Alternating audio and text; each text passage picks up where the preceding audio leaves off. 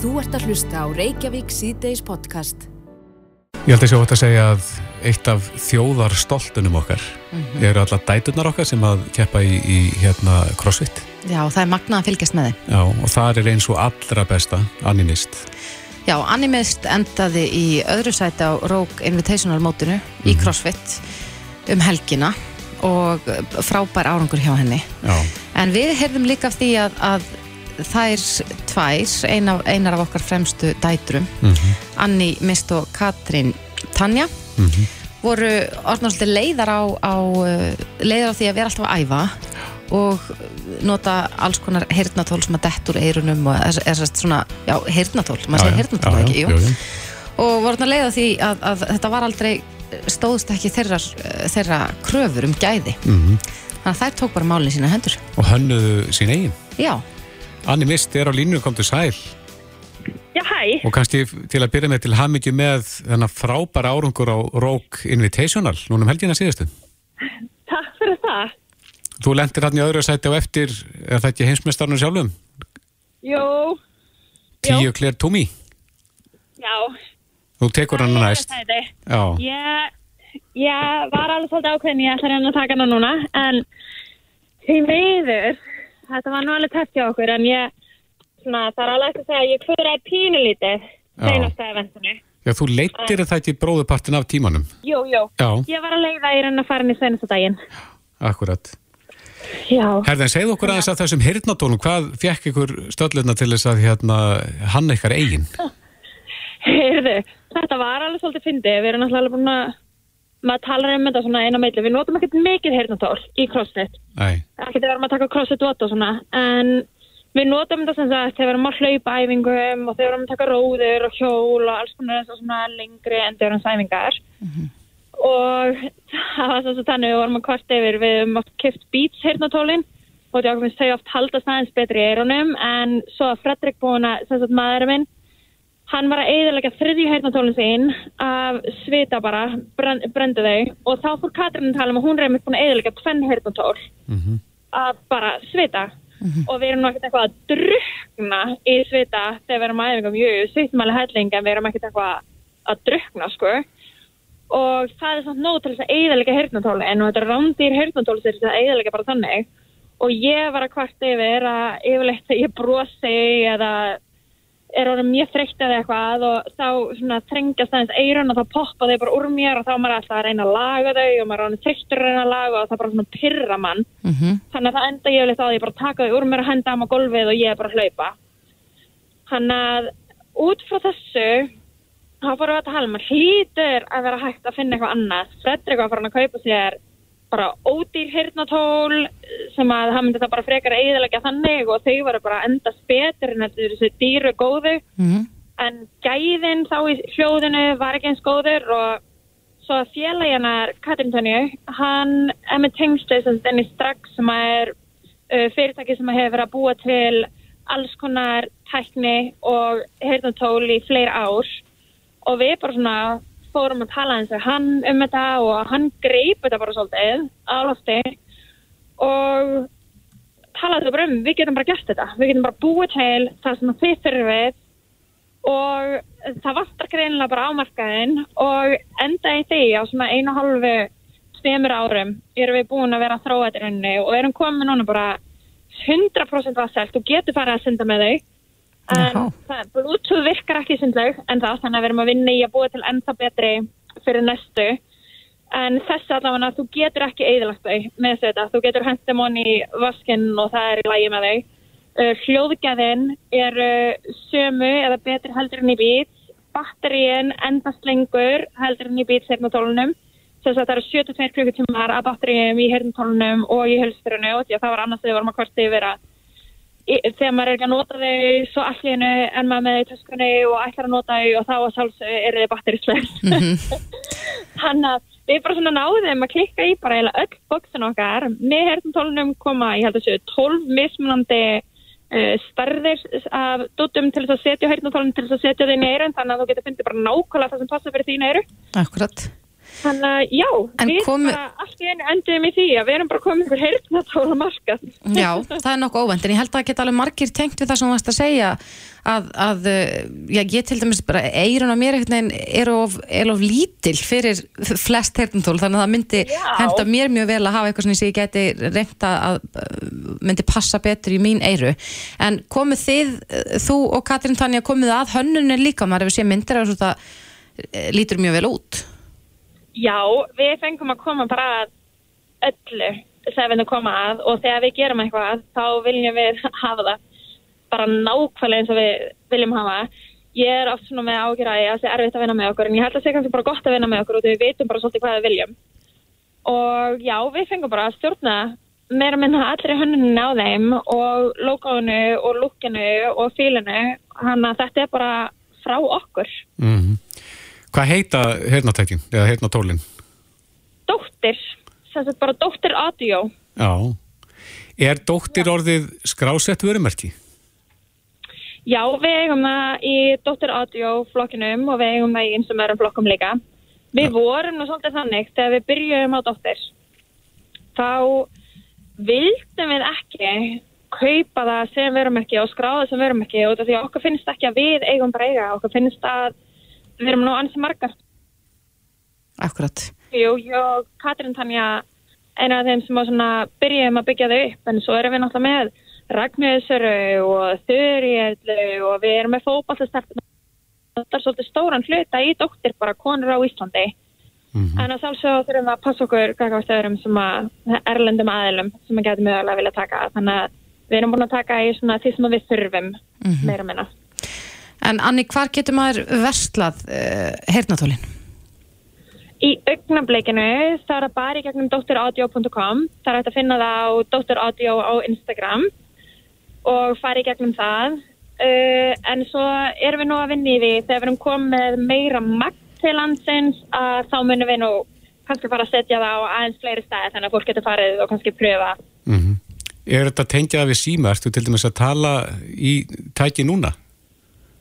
Ég er endur ekki að tala í tæki núna uh, en já, að sjálfsög tengist þetta við síma, bara bluetooth eins og flest önnur bluetooth heyrnatól, Mhm. það var hægt að tengja þetta og mjög góð gæðin Já, akkurat. En aðeins að íþróttinni aftur, hvenær keppir þú næst? Já. Ég er bara ekki búin að ákveða hvernig ég ætla að keppa næst. Ég tek þetta alltaf bara svona eitt mót í einu.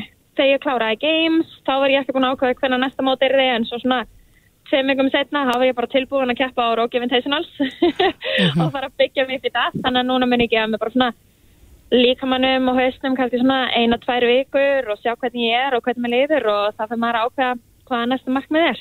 Hvílir þið svona eftir, eftir svona stóru móti eins og, eins og Rogue Invitational? Já, ég kvílum alltaf aðeins. Ég er nú bara þannig að yfirleitt daginn eftir mót þá er ég orðin veik. Hann að ég tek svona eitt, tvo daga í að vera semi-lasin. Ég held að þetta er bara svona adrenalínið og allt saman og þegar maður er að keppa og undir miklu álægi þá fyrir ónámskerfi kannski aðeins niður. Hann að ég tek svona nokkra dag en ég var nú að koma þegar voru að ná mig bara beint af æfingu. Ég er að taka svona aftur recovery í Cross Reykjavík. Já, akkurat. Þannig að maður er bara svona heyra sér smám saman í ganga aftur núna. Já, við segjum bara til hamiti með þetta allt saman, árangurinn á mótunu og svo nýju hernatólin sem að eru greinilega það flottasta, svona meira við lýsingarnar. Takk kella fyrir það. Kæra þætti fyrir og gangiði vel. Takk. Þú ert að hlusta á Reykjavík C-Days podcast. Reykjavík síðdeis. Uh, nú er COVID-umræðan komin á fullt aftur. Það er bara svo leiðis. Það er bara þannig. Já, og uh, margir sem er að blanda sér í umræðina. Mm Nú er líka verið að taka ákvarðanir varðandi aflýttingar eða, eða herðaðgerðir. Já. Við uh, sáum til dæmis af þessar ákvarðan. Nú er ákveðið að halda aðgerðum óbreyttum í, í, á landamærum Já. til, uh, er ekki 15. janúar? Jú, það er þannig, 15. janúar næstkomandi en Svandi Svástóttir þeirra hún býst við því, samkvæmt fréttum sem bárust hérna síðdeis í dag að eh, býst við því að fá minnisblad frá sóttvartanleikni um aðgerði innanlands í dag Já, en það greindust eh, 144 uh, í gær með mm -hmm. smitt en þar að voru 104 utan sóttkvér og það hafa aldrei fleiri greinst utan sóttkvér frá því að, að faraldurinn hófst nei, rúmlega 50 á skaganum, einum. Þannig að þar mun allt lamast núna næstu daga. Já, en uh, það bárst líka fréttir af því í dag að umsjónumæður farsóttahúsana segist vilja herða samkominntakmarkanir hér innanland sem fyrst til þess að hægt verði að tryggja að landsmenn geti haldið gleðileg jól í desember og Gilvi Þór Þorstensson er á línunni, kom til sæl. Sælverði. Já, þú vilt herða aðgerir innanlands á hvaða lund? Já, ég vil helst bara loka landinu vegna viðhalds eins og ég sagði einhver staðar.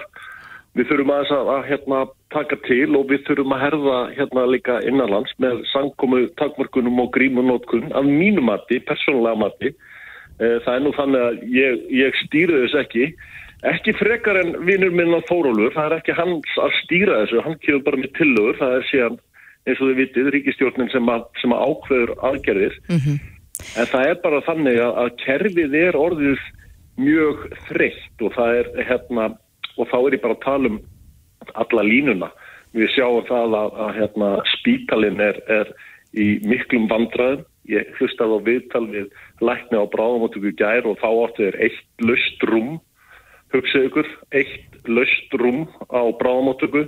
Uh, Rækning hefur ekki undan að, að rekja smitinn og tala nú ekki um núna eins og þið voruð að segja að það voru yfir hundra mann sem ekki voru í sótkví mm. þetta er allt fólk sem þarf að reykja mjög hérna, gömgefilega uh, farsóttarhúsin eru, eru bara að fyllast. Ég á núna 15 herbergi eftir. Og það þarf að velja mjög gömgefilega þar inn hverjir komast mm -hmm. og það er alveg ljóst að það mun ekki allir komast þar inn sem þurfa í dag eða á morgun. Nei. Uh, það eru fáir sem eru að sinna þeim sem að, sem að greinast. Þetta er ekki sko okkur, við erum, við erum 20 sem vinnum allan sólaringin rakning kannski eitthvað annað eins og, og svo er það spítalinn. Þetta er ekki mjög margir einstaklingar sem eru að vinna við þetta. Það verður alltaf erfiðar og erfiðar að fá fólk til þess að, til þess að vinna með okkur það því að þetta er álagsvinna og, og hérna og samt að segja ekkert rosalega vel borguð mm -hmm.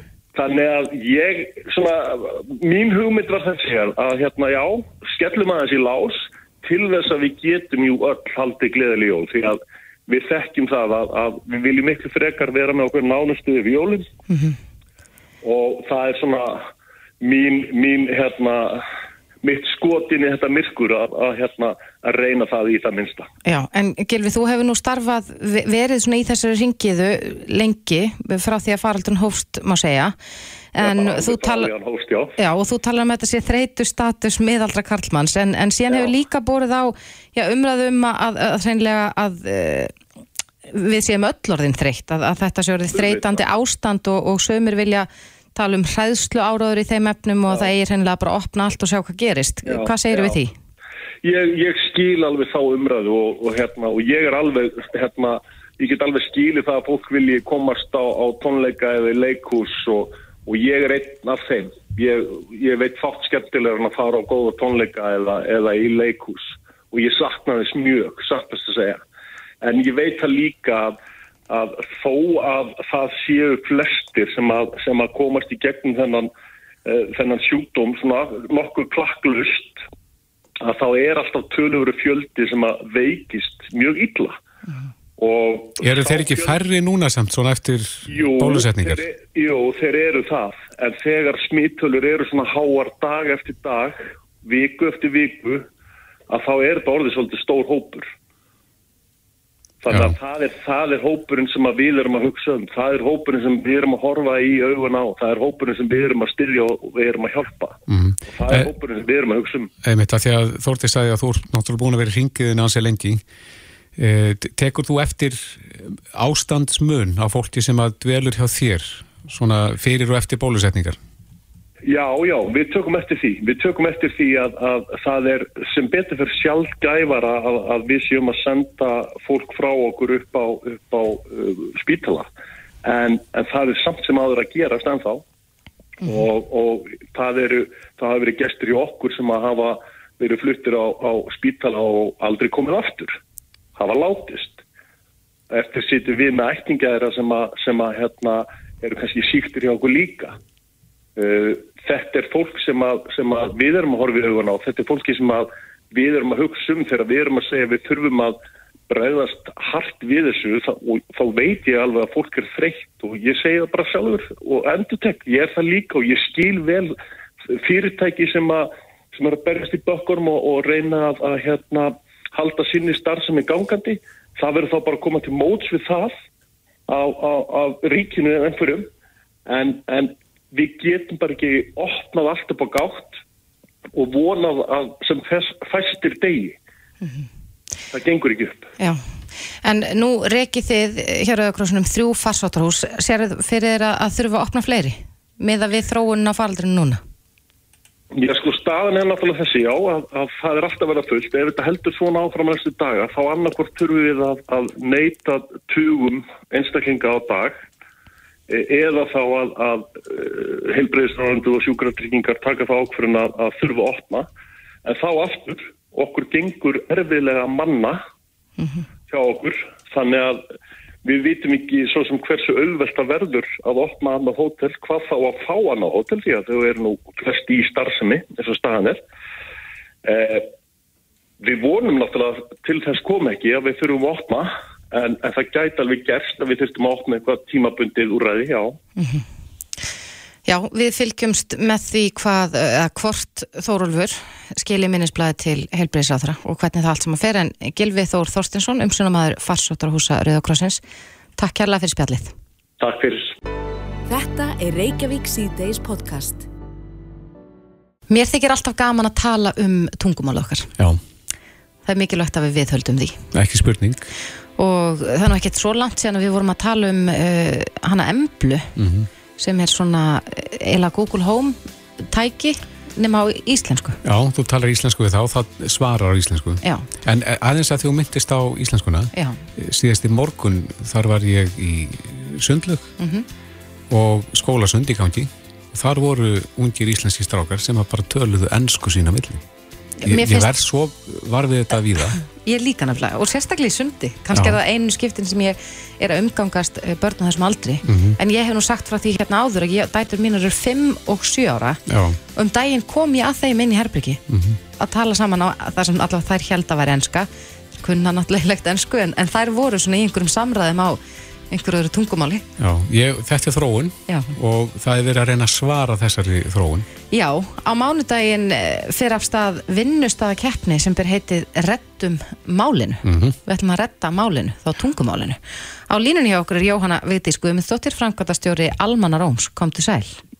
Komið sæl. Já, hva, hvað er þetta, þessi keppni, Rettum málinu? Um, eins og þú sagði, réttilega, þá er þetta vinnustafa keppni og Við hvetjum fyrirtæki á stofnanir til þess að keppast við um að lesa texta í gerðnum tölvu eða snjáltæki og þá fara þau inn á rettumálunum.is og skrá sig mm -hmm. og tilgangurinn er að sapna sem flestum setningum, lestum setningum á íslensku um, í því skeni að þróa máltækni lausnir fyrir íslensku. Hvernig á fólk að lesa inn? Vil ég hafa þetta svona lesinteksta eða á fólk að segja þetta svona við innlifun eða eins og fólk talar bara venjulega? Er langt best að fólk lesi eins og það talar venjulega. Mm -hmm. Þegar þú ert að tala við snjáltæki þá setur þið ekki ykkur að stellingar og, og farið að tala með einhverjum hætti sem er þér óðurlegur. Mm.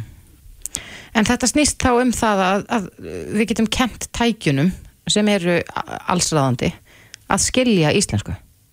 Já, þau þurfa að geta skilja íslensku og tala við okkur tilbaka á íslensku og ástæðan fyrir því að þú heyrir börn í sundi tala ennsku saman eða börnin þín uh, tala ennsku þegar þú að leika sér mm -hmm. er að ennska, hún er orðin allt í kringum okkur í samfélaginu meðal annars vegna þess að við notum hana og þurfum að nota hana til þess að stýra tækjum og það svið verður alltaf starf og starf mm -hmm. það, er... mun bara, það mun aukast ef við gerum ekki eitthvað svolítið dramatíst til þess að bjarga málunum. En það er nú svolítið síðan við fórum að tala um þessi máli mitt og að ennskan var að taka yfir. Hvað, hvar, hvert er við komin? Man finnst svona lítið gerast í þessum málum? Já, við erum nú komin vel uh, á stað og, og mun meira heldur en heldur en fyrir þreymar ára þegar við byrjuðum mm -hmm. og nú eru til fjöldi uh, gagnasafna og hugbúnaðar og tækjatóla sem að aðrunlífi getur tekið og stofnarnir til þess að byggja í rauninni máltækni þjónustu fyrir sína viðskiptafinni og það er næsta skref að taka sér tækni og færa hann yfir í samfélagið. Mm -hmm. Er verið að tala við risa eins og Google og Apple og, og þessa aðila uh, upp á þeir geti nýtt þetta inn í sín tæki? Já, og þau samtali eru komin í gangi á. Það er heilmikið komið afstæð og þessir þessi máltækni innviði sem við höfum lagt áherslu á að þróa núna undan fyrir þrjú ár uh, þeir eru bara komin mjög vel á veg og hafa gengið svo þrón hefur gengið mun hraðar. Mm -hmm. heldur en við gerðum ráð fyrir. Já, það er ekki langt sem við heyrðum af því að, að uh, Lilja Alfredsdóttir menta á menningamálur á þeirra hafi sendt honum Tim Cook, forstjóra Apple Post þar sem hún var að uh, ja, byðla til hans að bjóða upp á íslensku í tungumárastillingum er það, er það kostur að hafa ja, stjórn, stjórnvöld og stjórnmálun á bakvisi í svona risastóru verkefni?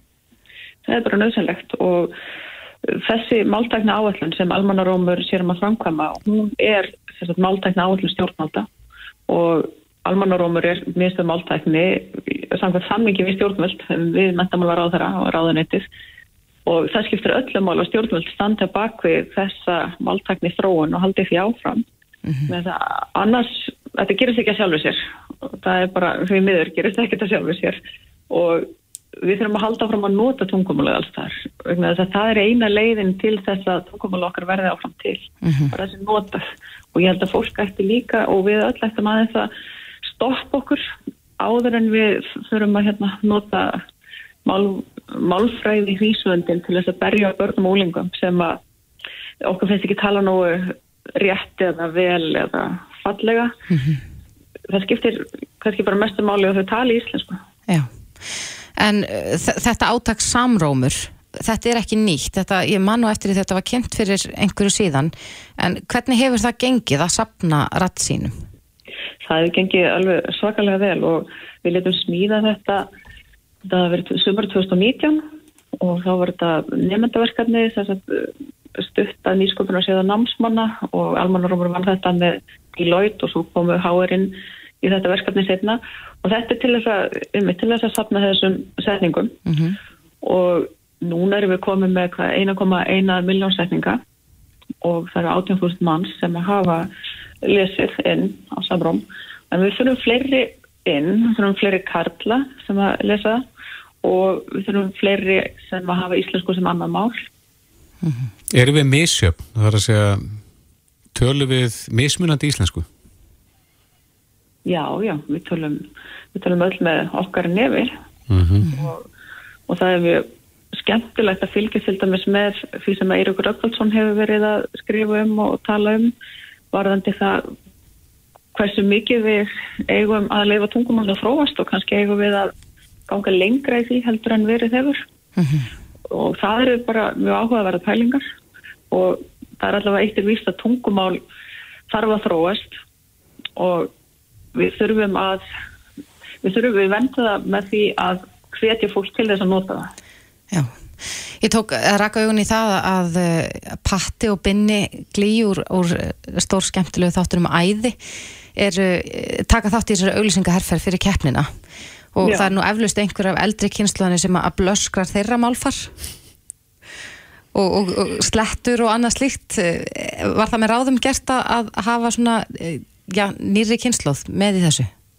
Það er með ráðum gert að fá talsmenn uh, fyrir máltæknina og fyrir þetta átæk sérstaklega sem eru kannski ekki svona þeir sem átt von á og, og við þurfum að ná einn fyrri, við þurfum að ná nýjum hópum, við þurfum að mhm. ná einn og kannski þeim sem eru ekki þeir sem hafa verið mest að vinna með okkur. Eh, þannig að þeir þeir eru alveg frábærir, þeir ná til hóp sem að við ná kannski ekki endilega til. Munu tækinn stilja æðistrákana? Já, vona því já.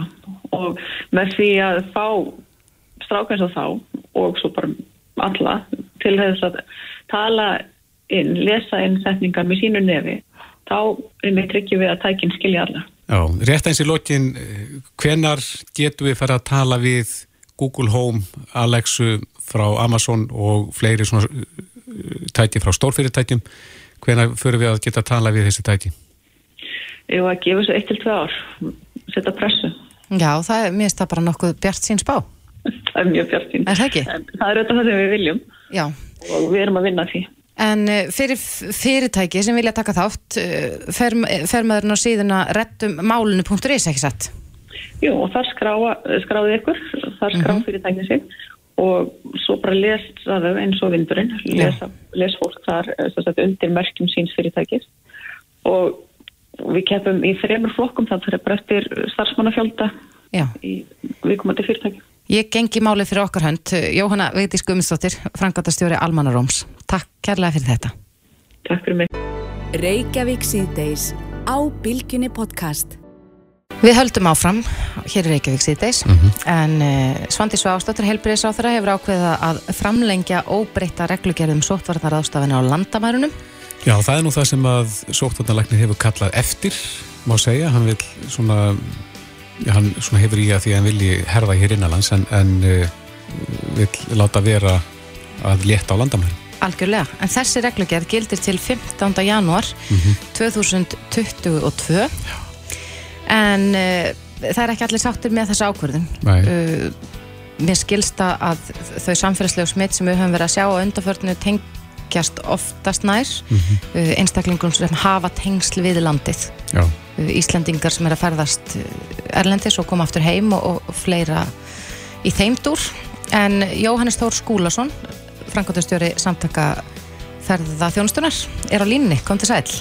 Þú með sæl. Já, þú ert ekki par sáttur með þetta eða þið? Nei, við hafum gert okkur vonir um það að ríkistjórnum myndi horfa til hinn erðnæðislegu raka í auknum mæli núna þegar að þjóðin er orðin að langstæstum flytta bólu, bólusett og nær allir þessir erlendu ferðamenn sem hingað er að koma eru líka bólusettir. Þetta eru svona sjónamið sem að hafa verið tekin upp hjá öllum hinnum EES-ríkjunum þar sem að bólusetningavottorð er orðið nægilegt til þess að ferðast yfir landamæri og það sem er að gerast núna er í rauninni það að þessi ákvörðun er á okkar mati dýr mistök efnahagslega þar sem að hún mun uh, að minnstakosti að okkar mati kosta um 26 miljardar þegar hort er inn í næstu mánuði og út næsta ár.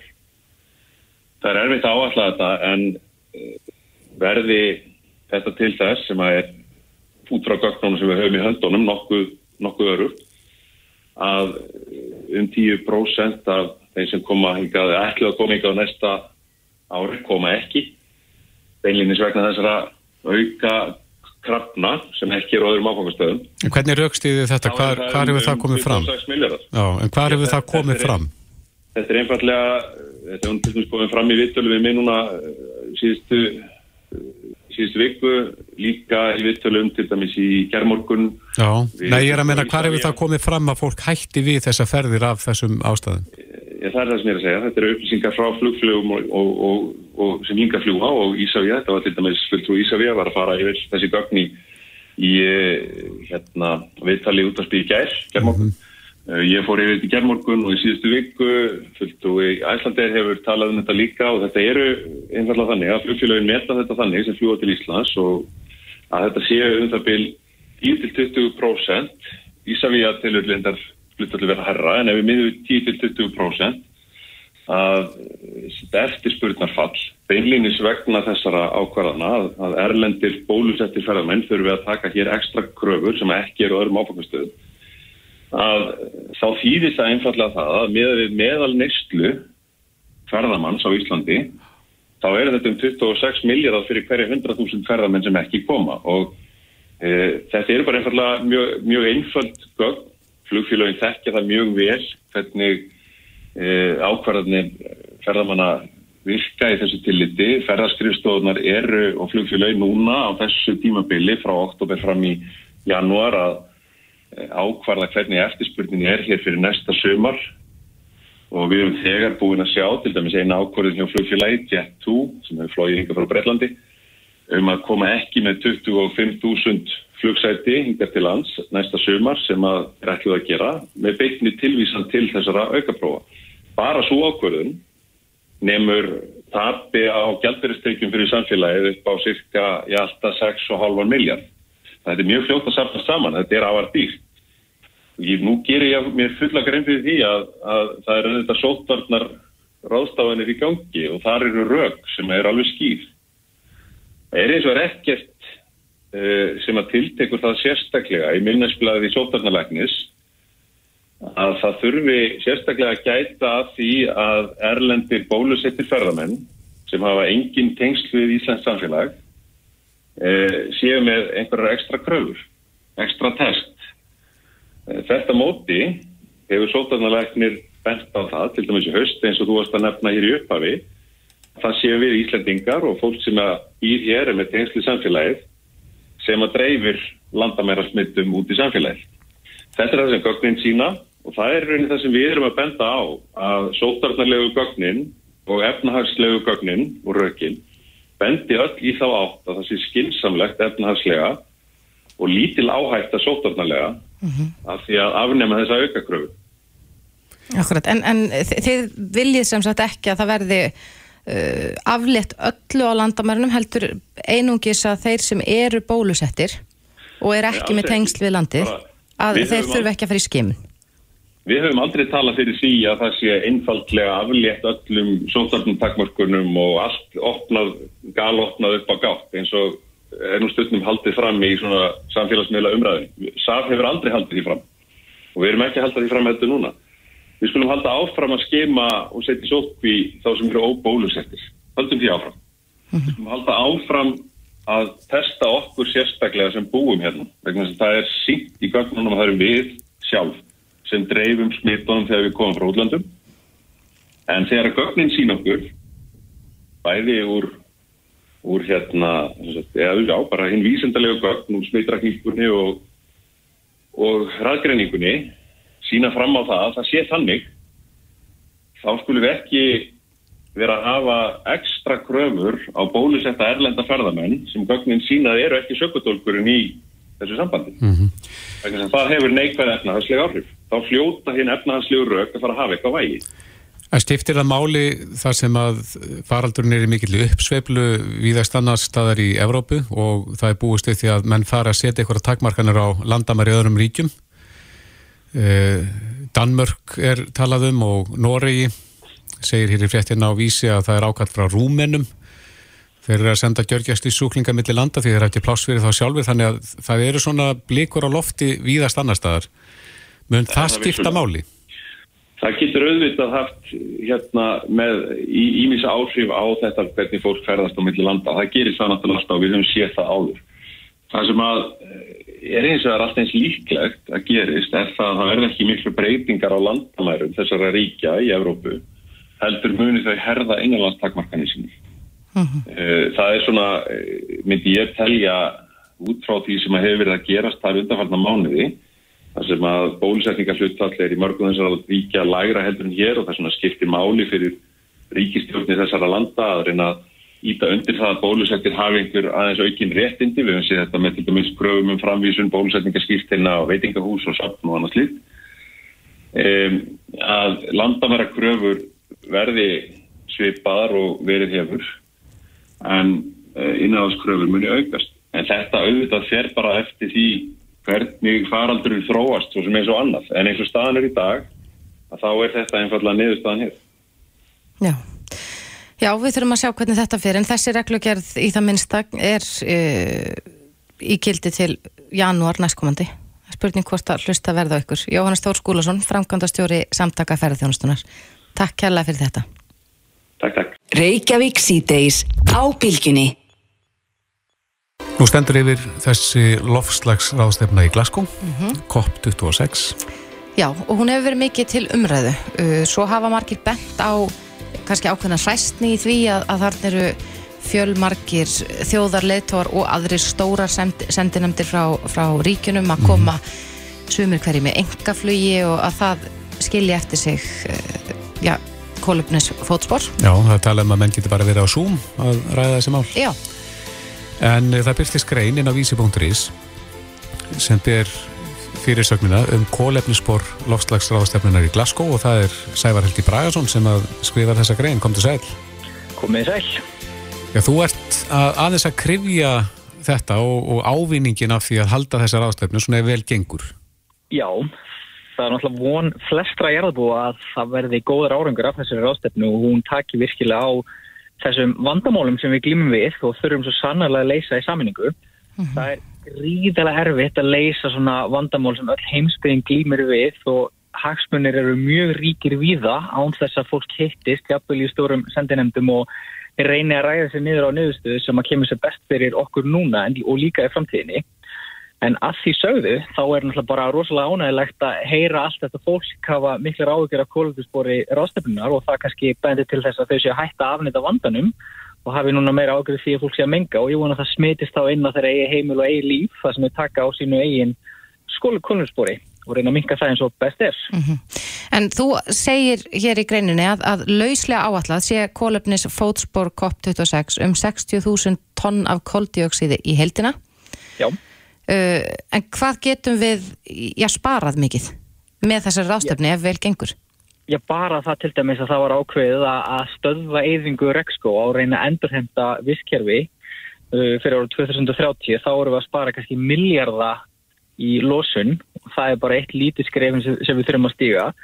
Uh, einni hefur verið ákveðarinn að taka á metanvandanum, því metan er markfalt öflur í gróðrúsaloftingum heldur en koldioksíð, en endist mjög skemur í andrumsloftinu, en hlínunum áttur hennar er 25 meiri heldur en koldioksís, þannig að hann kemur til dæmis úr, úr hérna, yðragerðin í kúm og ólíðinaði, þannig að það eitt að taka þessum reysastóru postum getur skipt miklum sköpum í að við náum markmiðinu um að draga hressilega úr losunum það mjög hratt.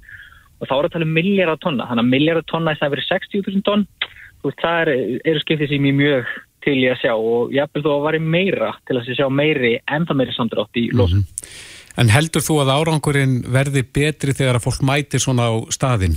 Og... Alveg, alveg tvímar að laust. Uh, bara svona til að setja það í eitthvað samgi. Ég meina allir framhaldsskóla nefnundir í dag sem hafa þurft að setja í kennslistundum uh, á Teams og Zoom núna undanfarið já, eitt og hálft ár og í fyrra það vita allir það að það er miklu vanlega til árangus að hittast augliti til auglitis heldur en að reyna að leysa til dæmis erfið vandamál á, bara með því að vera í fjárfundabúnaði. Fjárfundabúnaði er frábær fyrir ímsa fundi en ekki fyrir fundi það sem gríðalega mikið er undir eins og þetta, það sem þjóðuleitu verða hittast og hagsmjölaðalega sömu leiðis. Þannig að þetta er bara, er bara svo mikið undir að það er fullkomlega réttlætanlegt og algjör stormur í vasklasa hafa ágjör af, af spori ráðstöfnu sem getur haft svo innilega stórun og mikilvægan ávinning. Mm -hmm.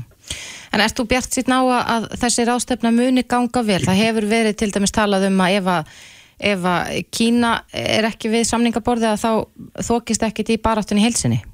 Nei, það er vissulega rétt að Kína er, er fjárverðandi og það er ekki gott en Kína á sökur stórum hlutu losunar, það er alveg rétt líka en restan af heiminum sem er leiðis uh, það er eitt af því sem er bara verulega gaggrínuvert við ráðstöfnuna, það er líkilegt og bara metnaðulegs markmið sem þessi stóru rík er að setja sér og svo staðrind líka að stóru þjóðleitögar finnilega yfirgefa ráðstöfnuna á þess að veist, funda almennilega um þetta og, og hérna, leggja svolítið kraft og einur í þetta uh, það er bara það sem þarf þannig að oft er þetta svolítið innantómt sem að kemur það en, en, en bara við erum orðin það örvendika full í þessu og já við erum þegar farin að sjá áhrifin af loftlagsbreytingum og vannavöldum.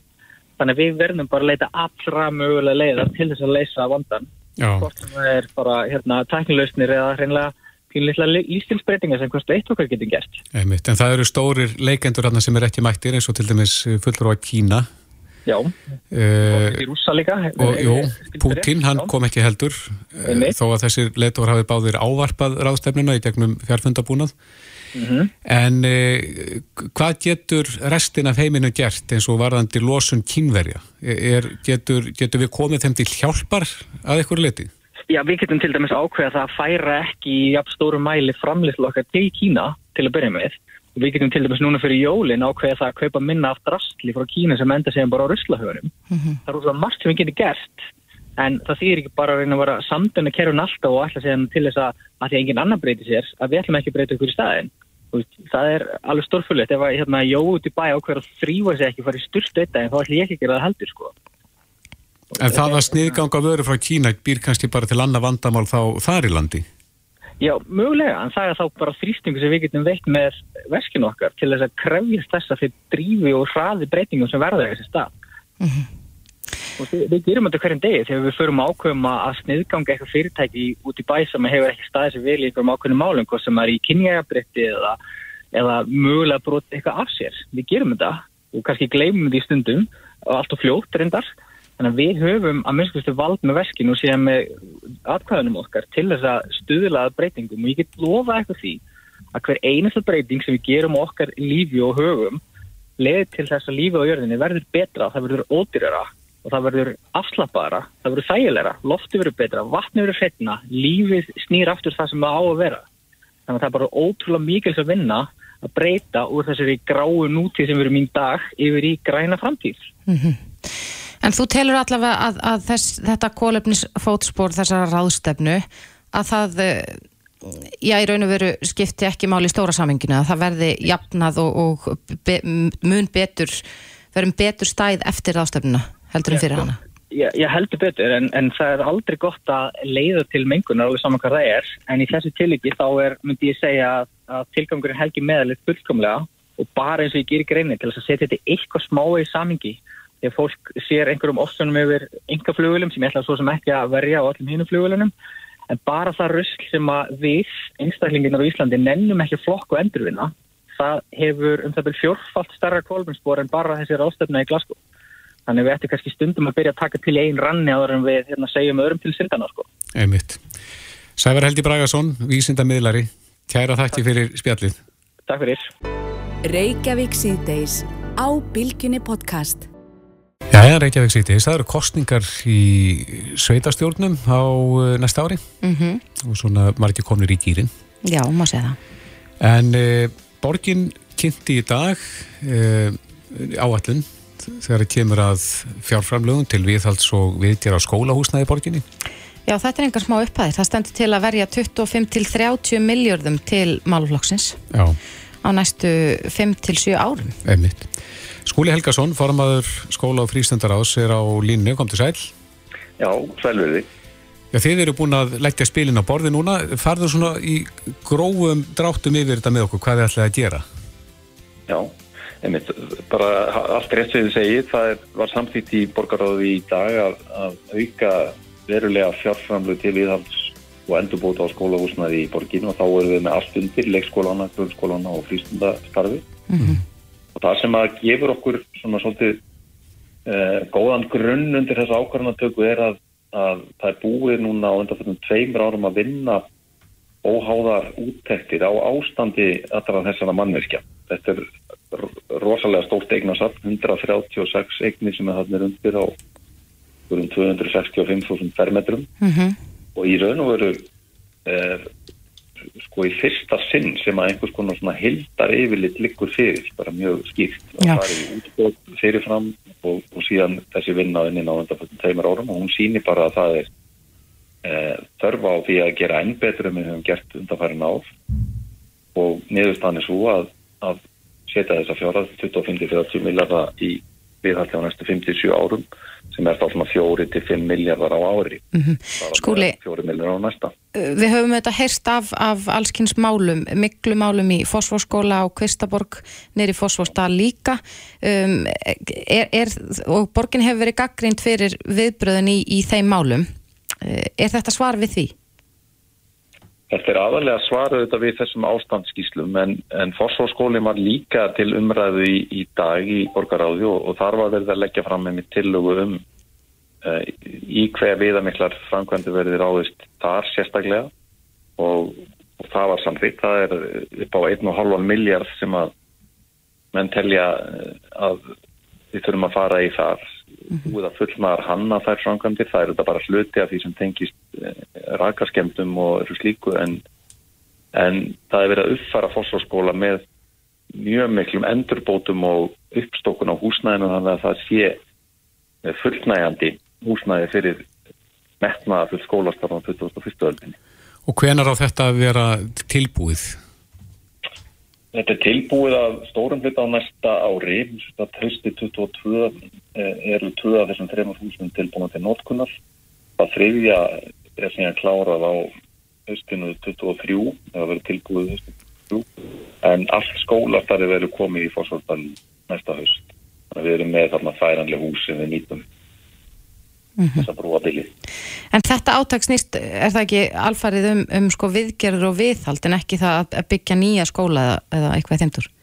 Nei, svo er það einmitt önnur eðla, sko, fórsvarsskóli er kannski gott dæmi um það með svona samin að kortleggja en, en við erum líka með mjög spennandi vinnu í gangi við það að stækka skóla í þremur hverjum borgarnar og það var farið við það í morgun. Við erum með spennandi tilugur varandi laugadalinn. Þar eru því skóla sem allir er í ákveðinni svona stækkuna þörf, laugarnesskóli, langkóttskóli og laugalækjaskóli og komnar tilugur um svona mismunandi lausnir á því hvernig við getum komið því best fyrir. Svipuvinn í gangi varandi vörðurskóla sem er skólinn bara við hliðin á Östubæðaskóla sem ríki átti áður en borgi keifti fyrir nokkuð síðan Mm -hmm. og þar eru líka komna tilugur um hvernig uh, hann myndi nýtast best annarkvort í samspili við skólana í hverjunu, Östubæðaskóla, Líðaskóla og Hátíðskóla eða þá bara beintengt við Östubæðaskóla sérstaklega. Já, Þetta eru allt bara hugmyndir sem, sem að hafa ymsa kosti en einhverja galla og við ætlum að fara með þetta í vítætt samtal við skólasamfélagið í þessum hverfum. Og þriðja hugmyndin sem er ekki síður spennandi er stækkun á meðlaskóla og það líkur fyrir skýrslaðum með beinum tilum um hvernig væri best þetta standa á því. Meiningin er að svo, svona þarfagreining fari inn í hönnunarsamkeppni um stækkun meðlaskóla og nýting á hagatorki sem að e, er já, eitthvað stærsta eða ekki stærsta ringtork á Íslandi gríðarlega stort grænt svæði sem að er lítið sem ekkert notað. Hvað sjáu þið fyrir ykkur að gera þar? Já, það sem, að, það sem að okkur langar til þess að gera og, og fyrir sig okkur þá er ég einlega bara, ekki bara að tala um pólitíkinu og borgarstjórn heldur íbúana í hverfinu. Þessi hugmynd hefur verið á ofalega bauði um nokkura ára skeið, hefur komið stert út úr hverju mitt kostningum undan færin ár. Það er svo hugmynd sem að mér finnst mjög spennandi og okkur er að breyta hagatorki raun og í almenningskart með fjölbreytum möguleikum til útivistar, til reyfingar og, og til alls konar leikja fyrir bæði börn og fullorna og þetta væri þetta algjör byltingi aðstöðumálum fyrir meðlaskóla, líka fyrir hagaskóla og, og hagaborg sem er leikskóli þarna á svo sama svæði. En að hafa þá umhverfuna samt þarna ringin í kringum tólkið? Nei, það, þetta kallar þetta á mjög hérna, mikla endurskóðan á, á skipulagi umferðarnas. Þannig að það verður auðvitað að vera þannig að við erum að bjóða börnum uh, að nýta hagatorkið fyrir leika þá þarf það að vera uh, fullkomi öryggi á umgjörðinni sem að tímundi fylgja en það er viðfánsefni þess að samkeppni, önnur samkeppni að finna bestu lausnir í samvinnu við okkar færustu arkitektur. Já. Serðu þá eh, fyrir þér að grafa þá umferðina nýður? Hafa hana neðanjarðar þá eða, eða einfallega bara Það eru klippa hana alls frá? konar Spennandi möguleikar sem koma til greina en væntarlega væri menn að, að hérna, loka einhverjum götum sem að í dag eru opna fyrir umferð. Við reikna með því en, Mhm.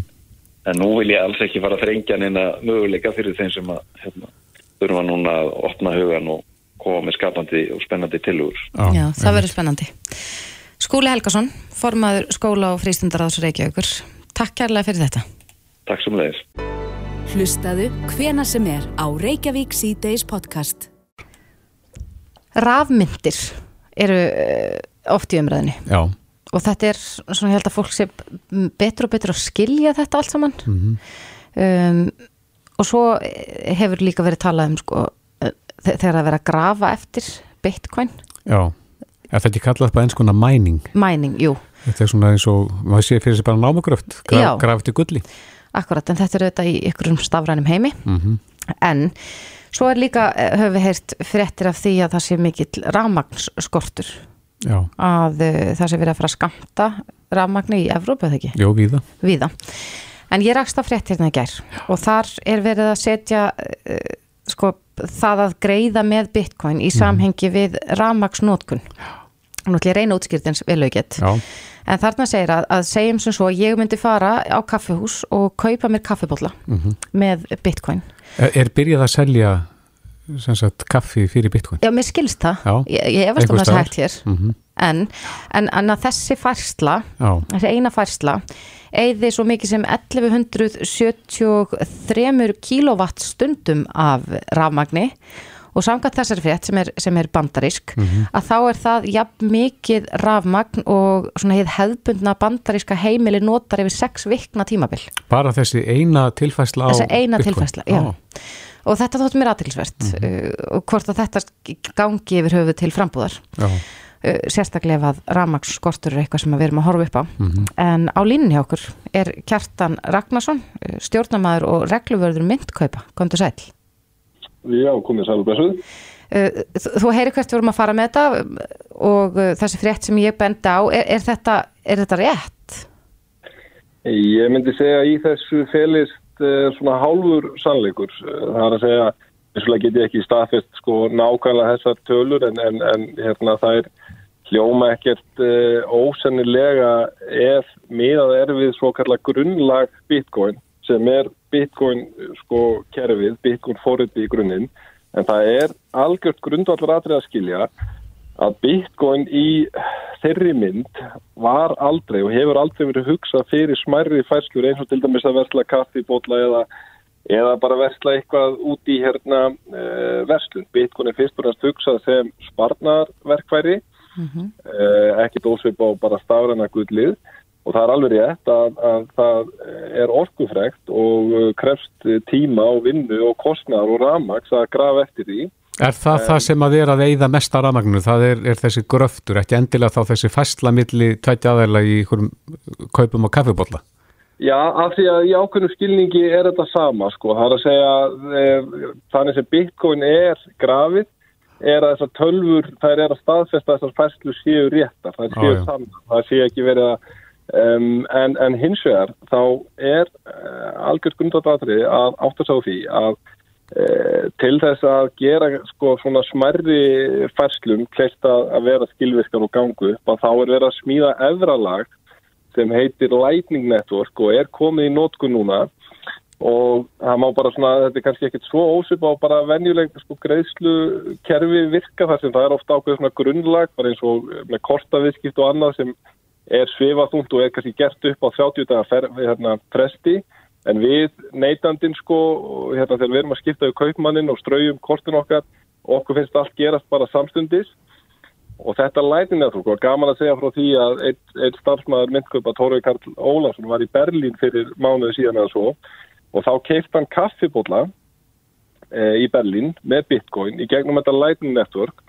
Svo færsla tók bara nanosekundu e, kostaði innan við tíu hérna, nei fyrir ekki innan við halva krónu íslenska en hefði ef hann hefði verið að nota til dæmis bara venjulegt kort sko greiðslukort þetta verið að kosta eitthvað kringum tíu krónur eða eitthvað og eigðir nánast ekki neinu einasta rammagni og þetta er ennvissulega í svona á algjörum byrjunastegum en þannig að til að svara spurningunni þú þetta er uh, þetta er rétt og þetta er gríðalega svifasett og, og, og hérna orkufrekt kerfi en, en, en það kemur ekki að sög af því að þetta grunnlega bitcoin, það er ekki hugsað til að vera sko greiðslumilun í svona smærri, smærri viðskiptum en eftir stendur að það er fullkomið verkværi til, a, til að geima verðmætti yfir lengri tíma sem er fyrst og fremst tilgangu bitcoin að mistu góðst og sakir standa. Akkurat, en heldur þú að, að þegar framlega stundir að, að þá muni fólk segja skilið við já, gjaldmiðla sem við þekkjum og, og byrja bara að greiða fyrir vörur og þjónustu mögulega í gegnum eins og þetta efralag sem þú talar um? Mér finnst það alls ekki óhugsandi en uh, eitt veit ég að tilvist og velgengni Bitcoin er ekki háð uh, þeim veruleika eða, eða skulum segja þeirri atbúrás. Bitcoin getur uh, náð gríðalegri velgengni og, og, og hérna, náð gríðalegri vexti dráttur að það verði áfram bara svona hlýðarkerfi við það peningakerfi sem við þekkjum í dag og það eru svona, hvað ég segja, kannski flestir þeirra skoðunar að það sé veruleikin sem við erum að fara, það er þeir sem við erum að trúa á Bitcoin á hérna, annar bórskulu segja að þeir eru ekki að trúa því að hérna, dollarin verði bara ónýtur veist, eftir bara einhver, hérna, eftir einhver hérna, ár. En, en, um, en það er alveg rétt að þetta er hérna, þetta gætalóri, það, það tæknilega er ekki dýtli fyrirstöðu að uh, Bitcoin verði nota bara sem, sem hérna, greiðslu með framtíðan. Ég held að þetta sé dátir langt í þetta, ég meina bara kerfin eðlilega eru íhaldsum og, og til dæmis bara þetta hlutverkpeninga sem meðal annars er að mæla verðmætt og það, sem, sem bókald náttúrulega byggir allt á, það væri náttúrulega dátir hausverkur og viðsnúningur svo til ef við ætlum að fara að gera allt upp í Bitcoin. Og, og meðan gengið er svona sveiflugent eins og hefur verið síðustu tíu ár og ég held að verði alveg einhver ári viðbót þó svo ég held að muni hægjast á þessum sveiflum eftir því sem það svo verður meiri vermaðið í sig að þá er ekkert að nota þetta sem gjaldmiðil í, í, í hérna, hefðbundu viðskiptum. Nei, hvað eru margar rafmyndir til í dag? Það er, það má segja að það eru rafmyndir sem svona hafa eitthvað eh, markasvirði eh, eins og það er, eins og það er mælt á hérna síðu sem heitir Coin Market Cap að þær er yfir 10.000 en svo er eins og annað sko að þú getur fundið einhvern forreitari sem kann að smíða rafmynd á bálskakeðju og hann getur bara búið til einhverja rafmynd og ef maður til telja þannig þá skipta þær 100.000 mm -hmm. en hérna en svona af þeim sem hafa eitthvað hérna sé ég einmitt á Coin Market Cap það er 13.604 rafmyndir sem hafa þá eitthvað mælalegt markasvirði. Já þetta er gríðalög fjöld og þetta er greinlega bara mikill frumskóur. Já, rosalega frumskóur og samanlagt markasvirði þessar allra hérna rafmynda er 2712 miljardar bandaríkjadólar eða, eða hérna 2,7 triljónir eða biljónir eins og íslenska orðið er og það er að vera bitcoin með 43% hlutild mm -hmm. í þessu. Bitcoin er langstættar rafmyndin og er og, og, og þess að tölur tildur að lágar 43%. Ég maður þegar ég byrjaði að virkilega fylgjast með þessu þá var uh, bitcoin komið um 60%. Mm -hmm. Þessi gríðilega fjára sem þú nefnir þarna, þetta eru bara beinharði peningar sem er búið að setja í þetta kjærfið þannig að það er, það er verið að verja mikla hagsmunni með þessu. Já, það fer svo sem eftir ákveðnaða liti, sko, í raun og veru, og, og þetta er ákveðið spurninga, þegar margir hugsaði með dókja herðu, Bitcoin, það er alltaf að tala um Bitcoin geimi núna eitthvað 1,12 hérna, 1200 miljardar dólar eitthvað, þá kannski margir sem verður að kynna sér þetta til að byrja með og vera tíðast sem fyrstu skrið, þeir kannski sjá þetta fyrir sig sem eitthvað sjóð, sko, og þeir eiga þá okkur hluti, það er auðvitað, auðvitað ekki rétt, það er í þeim skilningi ekkert á bakvið Bitcoin, ekki frekar en er á bakvið gulli eða raun og veru mörg önnur verðmætti sem hérna ganga kaupum og sölum á hérna ofnum mörkuðum. En þetta er eins og er, þetta er bara þessi talir fundin út með því að meta bara hérna það eru 18,8 miljón cirka byggun í umferð, það verða 21 miljón mest. Og hvert byggun er meta um 62.500 dólar eins og, eins og staðan er núna. Mm -hmm. og samanlagt þá hérna e, þá myndar þetta þessa tölu. Og svo er alltaf spekinganir að, að reyna að verða fyrir sér, er þetta er þetta undiverlagt eða er þetta ofhátt hérna, metið og, og, og það myndi að verða því að ef, ef það væri ekki til fjármang til að, sagt, ef, það væri ekki eftirspurt til að borga þessa peninga ef einhver myndi vilja selja svona mikið bitcoin þá er svarið það að það, það, það er ekki mikið á bakvisa tölur. En eins og staðan er núna þá verður sannlega að vera næg eftirspurn og, og hérna, mikill kaupmáttur mm -hmm. á, mhm. á markaðanum. En heldur að það muni hafa áhrif á framtíð til dæmis bitcoin, sko hversu orgu frekur, já, yðnaður, hættu að kalla þetta yðnað, eða þessi rafmynda námugraftur er svo orgufrekur og það er nú ekki langt síðan að stjórnvöld í, í Peking lístu öll viðskipti með rafmyndir ólögleg til þess að reyna að hjálpa kynverum að ná markmiðum sínum í, í loftslagsmálum. Heldur að þetta muni spila eitthvað inn í? Já, þetta er að kosti eitt af þeim sjónamum sem er svona uh, orðið bísna langlýft. Ég að vísu er uh, þeirra skoðunar að þegar, þegar betur er ringt sko í þetta, þá, þá er þetta meða við þau verðmætti sem Bitcoin geymir, þá er þetta ekki e, hátt hlutfall en hins vegar er Bitcoin þannig að Eh, það sem gerir kannski þetta daldið svona eh, auðveldri bráð fyrir þessa gaggrinni er að það er gríðarlega gagsætt kerfi. Það er engin annar yðnaður í heiminum sem þú getur flett svona nákvæmlega upp mm -hmm. hversu uh, mikilli hérna, orku er varjan. Höfum við hugmyndum hvað er nota mikið til að gera framlega raunveruleika þetta í Hollywood eða höfum við hugmyndum hvað hérna, jólaljós í bandaríkjónum e, krefist mikillar hérna, orknum. Það er miklu erfiðar að, að greina þetta en Bitcoin er rosalega gagsetta þessu mm -hmm. leiti og en, en, en, hérna, en svona smám saman hef, hef, hefur maður verið að stróka út þessa gaggriðin til dæmis lengi við erum alltaf að vera að tala um peningasætti þetta verið notað í ólumættu viðskipti nú eru bara að koma tölur sem sína það svart að hvita þetta á ekki lengur við nokkur einustu raukastiðjast og þá er maður hættur þá að heyra þessi sjónami nema hjá mjög illa upplýstum gaggrindum en þetta vissulega er ennþá langlýft þannig að hef ég ágjur að þessu? Jújú, jú, það má alveg segja það. Ég er svona hérna, það er að segja, ég hef ekki persónulega ágjur af því að þetta sé orkusón alls ekki, ég held einmitt að maður get ekki fundið neitt yfirnað sem eh, á betur skili þá orkunýtingu sem Bitcoin er en ég hef eins og ágjur af því að þessi sjónamið þau verði langlýf og, mm -hmm. og, og erfitt að kveða þau niður.